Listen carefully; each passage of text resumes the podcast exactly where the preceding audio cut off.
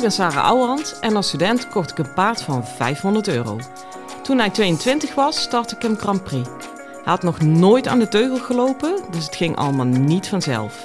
Het enige wat ik zeker wist was: never quit. Ik verslond alles wat ik kon vinden over de biomechanica van ruiter en paard. Dat testte ik net zo lang totdat ik wist wat echt werkte.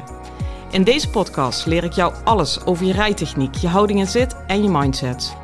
Want ook jij kan naar de Grand Prix gaan, zelfs als je geen miljoenenpaard hebt.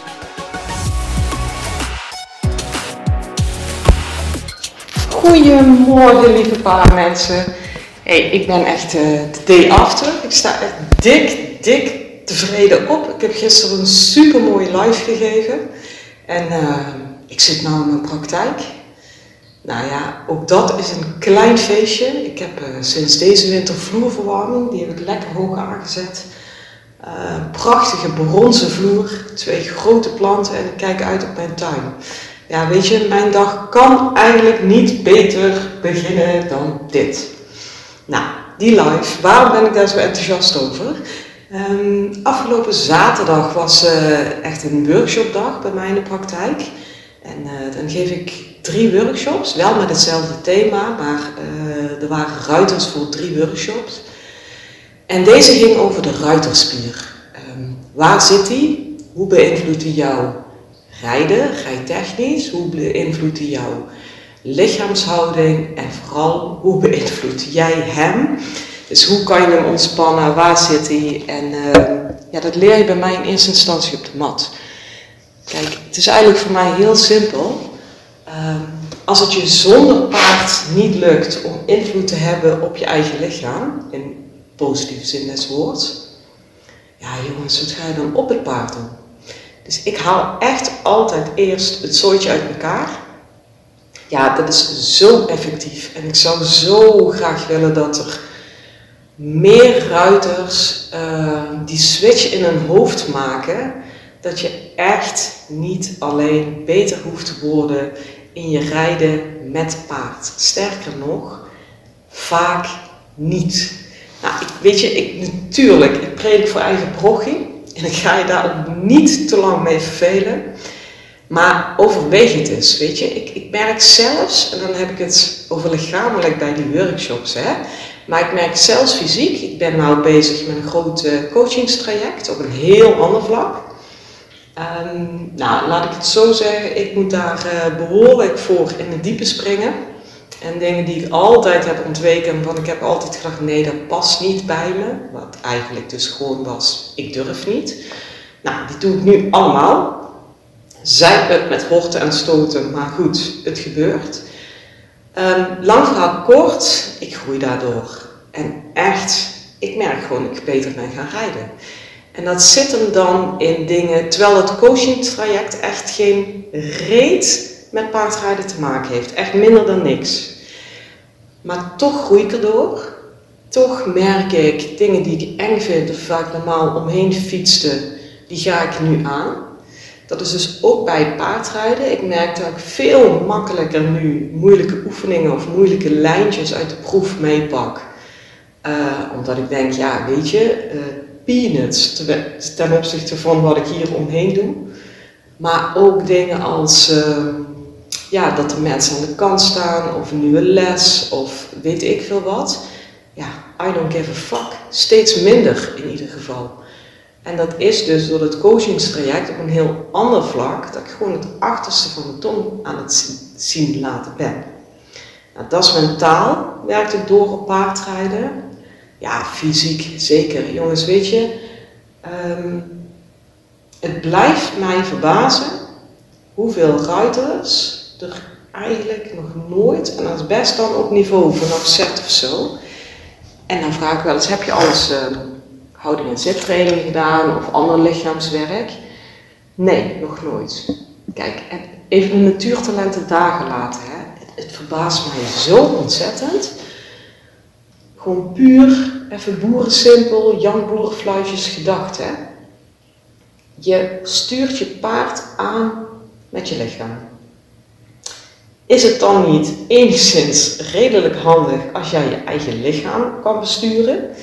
En dan niet, ik heb een arm omhoog of een arm omlaag. Nou is dat vaak al moeilijk zat. Maar echt, echt gedetailleerd. Ehm, ik kan uh, mijn zitbootjes goed plaatsen. Ik kan mijn liezen links of rechts loslaten in een wissel. Ehm, ik kan tot mijn staartbeentje zakken of net iets hoger inzetten. En niet dat ik perfect ben, hè, want ik ben ook altijd nog in progress en uh, ook wel uh, afhankelijk van de dagvorm. Maar als je echt fijn afgestemd met je paard wil rijden, ja, ik, vertel me hoe het anders moet, maar ik, ik zie het gewoon als een basisvoorwaarde. En uh, ja, je hoeft het niet eens bij mij te doen, dat ook iets. Je hoeft het niet eens met iemand uit de paardenwereld te doen. Um, weet ik veel, ga op yoga. Ga hardlopen. Uh, alles wat je beter in contact brengt met je eigen lichaam. Voor mij lig je de hele week in de sauna. Als het voor jou werkt, doe het. Maar kijk daar eens naar. Nou, de ruiters van afgelopen zaterdag hebben daar uh, naar gekeken.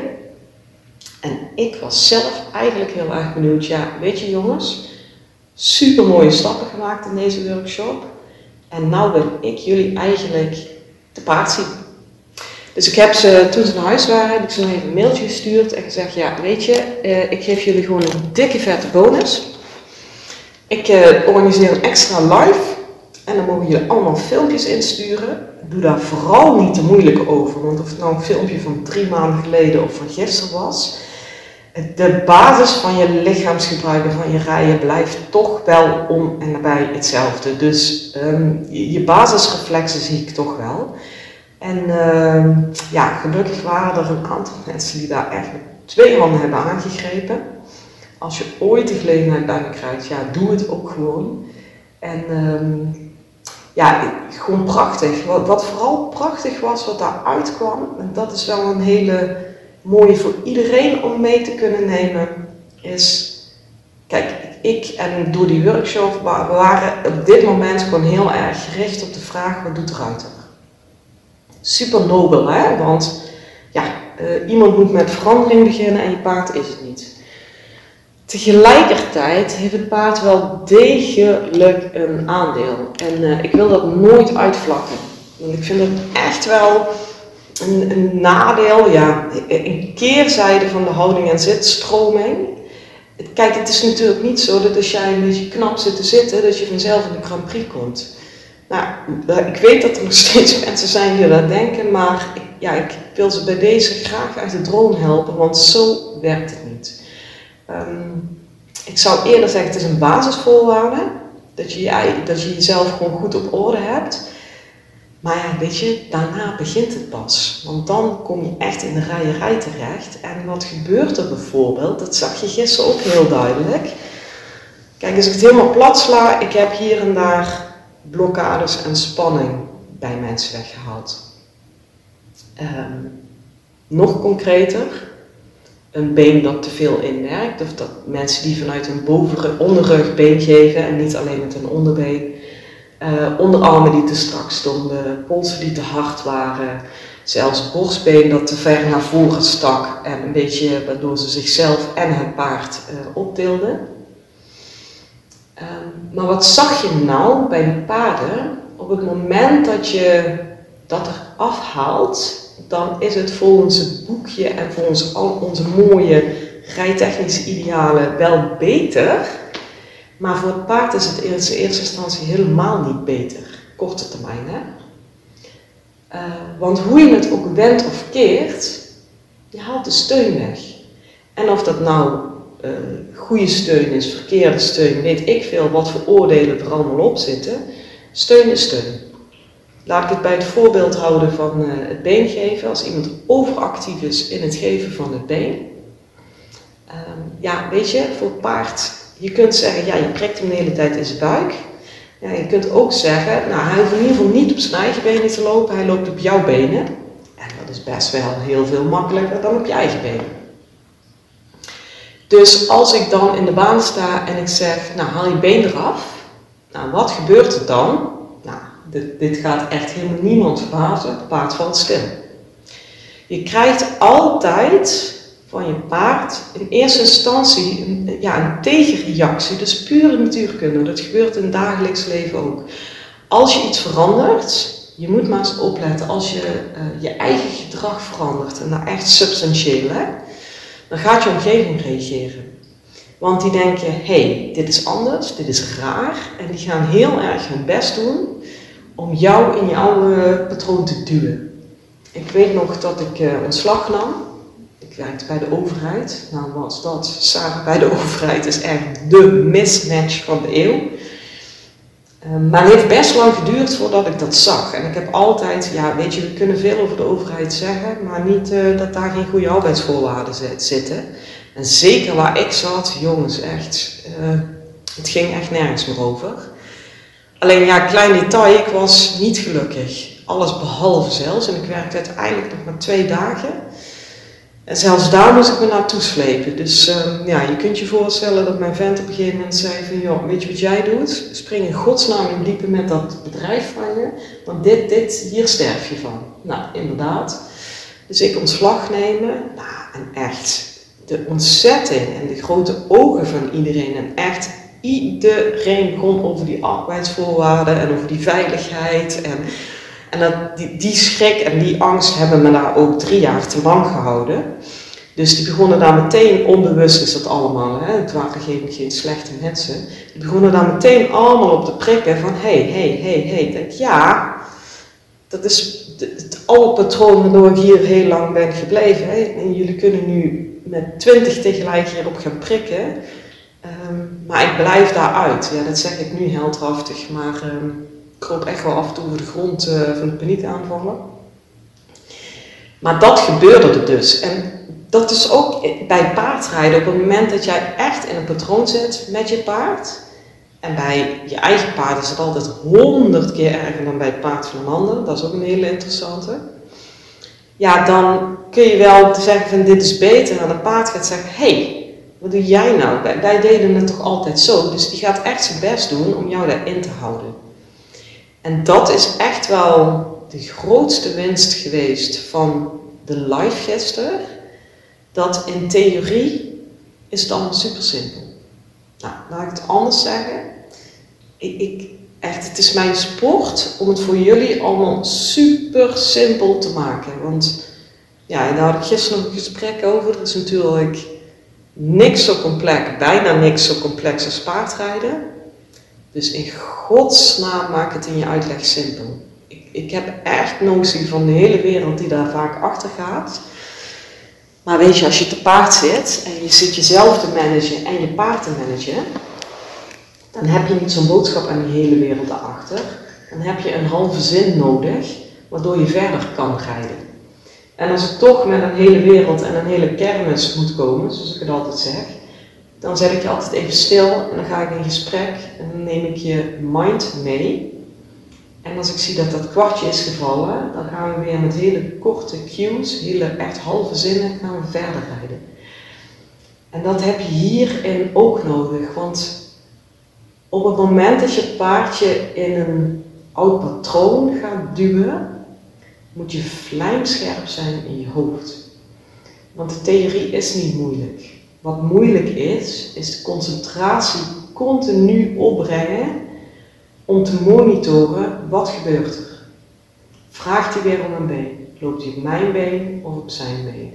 En uh, blijft hij dat handhaven in oefeningen? Ja, je kunt dat natuurlijk zo gek maken als je wil.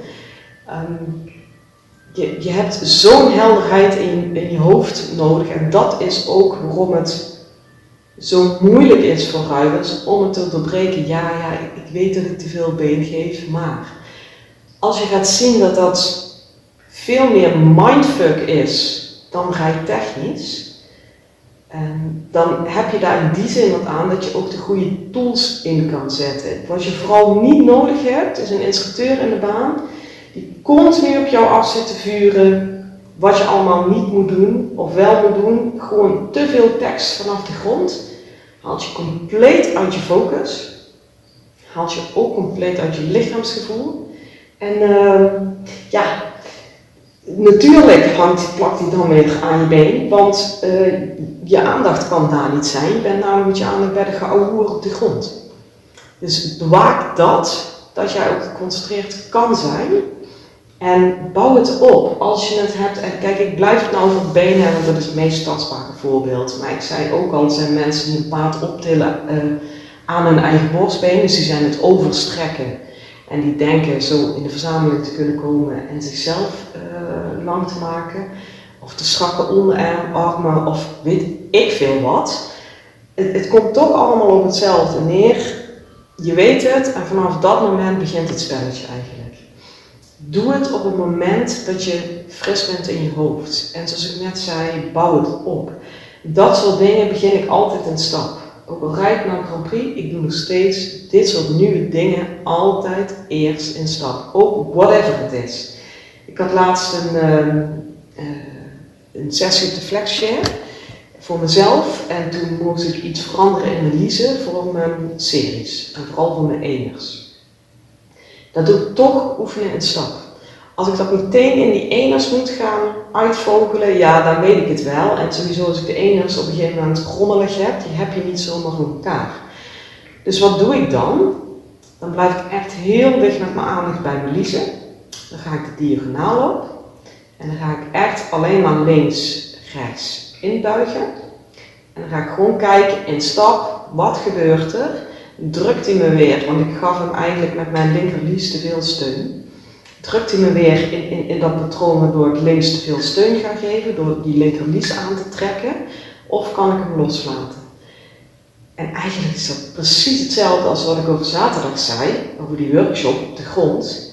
Kijk, als je het zonder paard nog niet kan op de mat, ja, wat ga je dan eigenlijk te paard doen? Super zwart-wit, hè? Uh, als ik het in stap nog niet kan, links-rechts inbuigen, uh, zonder hem ergens steun te geven. Ja, wat ga ik dan in galop in de eners doen? Um, en, en zo bouw ik dat op. En dat lijkt een investering. En uh, dat lijkt de langste weg, maar het is de kortste. En ik deel ook nog in wanneer ik zoiets train. Kijk, ik, ik ben absoluut geen avondmens.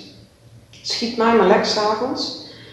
Dus als ik toch een keer, omdat het echt niet anders gaat, want ik heb natuurlijk een behoorlijk bedrijf en twee jonge kinderen en uh, weet ik veel wat ik allemaal nog vind dat ik zou moeten doen overdag. Ja, als ik dan toch een keer s'avonds erop zit, dan stel ik bij. En uh, puur gebaseerd op mijn concentratievermogen van dat moment. Dus dan spring ik bijvoorbeeld wel de series om de 4, de series om de 3. En als het echt een beetje lekker loopt, de tweeërs. En de eners, die bewaar ik echt voor de dag na of de dag daarna dat ik in de gelegenheid ben om s ochtends te rijden. Uh, gewoon omdat ik weet, ik kan het onvoldoende monitoren. Dus hij gaat ongetwijfeld weer op mijn linkerlies steunen. Ja, hoe vaker je dat patroon van hij krijgt steun van mij bevestigt, omdat het weer gebeurt, hoe langer het duurt voordat ik het doorbreek. Dus dan zoek ik het een keer een keer niet op. Ik zeg niet, dat is iets anders dan ontwijken. Hè?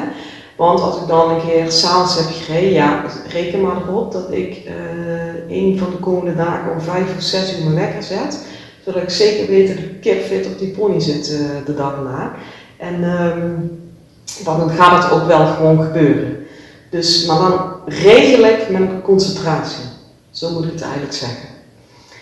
Nou, dit was echt de allergrootste opbrengst van mijn live gisteren, dat het makkelijk is en moeilijk tegelijk. Dat je jezelf echt moet gunnen om, om die trappen van die concentratie door te lopen. Dat je echt moet zien, hé, hey, wacht eens even, ik kan wel iets doorbreken.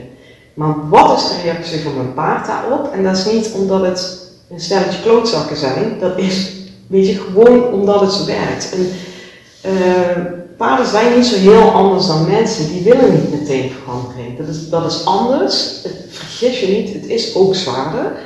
Want op het moment dat je zegt van, nou, ik haal mijn benen eraf, uh, moet hij dus op eigen benen. Ja, uh, iedereen snapt, dat is zwaarder. Dus hij raakt ook eerder moe. Ook al denk jij, ik doe helemaal niet veel anders trainen. Jawel, het is wezenlijk anders voor het paard. Nou, als hij eerder moe raakt, gaat hij weer eerder steun zoeken, et cetera, et cetera. Ehm, op dat punt, en dan ga ik mee afsluiten jongens, want ik kan hierover blijven lullen merk En dan vooral over het mentale stuk. En ik vind het zo fascinerend van, weet je, welke cognitieve spelletjes worden er gespeeld. Als je je rijtechniek voor elkaar hebt, dan begint het pas. Laat staan wat je doet in de ring. Dus dat is, uh, ja, heb daar rekenschap van. Ik denk, wat wilde ik nou zeggen? Ik ging afsluiten met, door mijn eigen enthousiasme, ben ik het gewoon bijna, ik ben het gewoon helemaal vergeten. Nou, je houdt hem van mij te goed. Um, ja, ik zit echt nog even voor je te denken. Maar sorry, sorry, sorry. Ik ben hem gewoon helemaal kwijt. Dat blijkt maar weer. Er is ook te veel over te zeggen.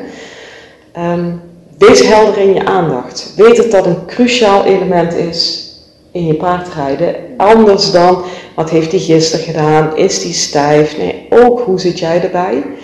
En um, ja, weet je, geniet van je paard. Geniet van de dag. En laat mij eens even weten, als, je, als je tijd hebt, in welk patroon zit jij met je paard en hoe doorbreek je het? Zowel rijtechnisch als fysiek-mentaal. Hey, ik wens je een hele fijne dag. Hoi.